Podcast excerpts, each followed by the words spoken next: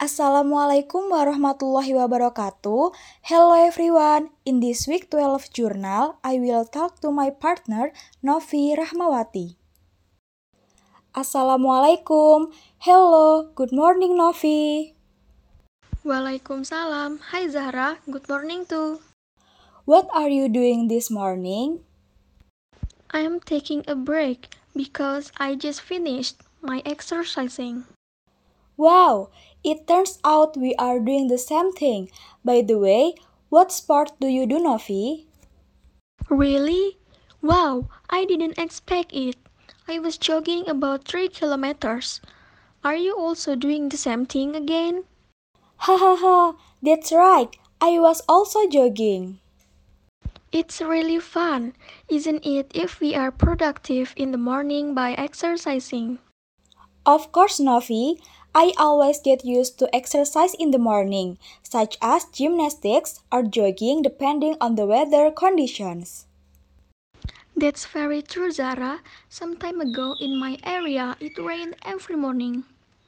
It made me exercise with push ups, sit ups, and squat jumps at home.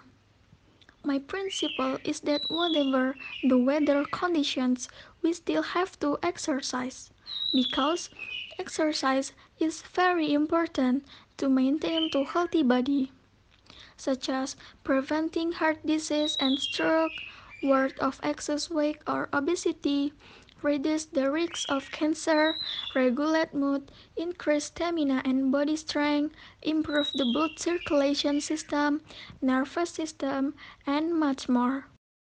I totally agree with you, Novi. There are so many benefits that we get from exercise. So, when we skip exercise, it feels like the body becomes easily tired, unfit, and not energetic. Yes, Zahra. Therefore, we must maintain the consistency of the exercise that we do every day. And don't forget to eat healthy food, because regular exercise alone is not enough if it is not balanced with healthy food. That's right. Okay, Novi, stay safe and stay healthy.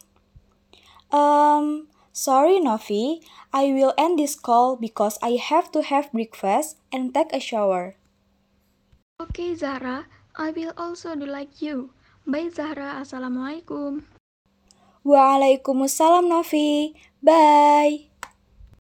My experience with my partner. My experience after speaking English with my partner was very happy and very interesting. I got some new vocabulary which I think is important to highlight from what my partner is talking about. I feel very challenged to be able to understand every word spoken by my partner, and I also have to think about how to set the right tone of conversation, regulate word clarity, and pay attention to pronunciation fluency so that my partner can understand. So is my partner. We can understand each other the meaning of each pronunciation. From these conversations, we can also learn together, such as being able to evaluate and correct each other if there are words or pronunciations that are not right.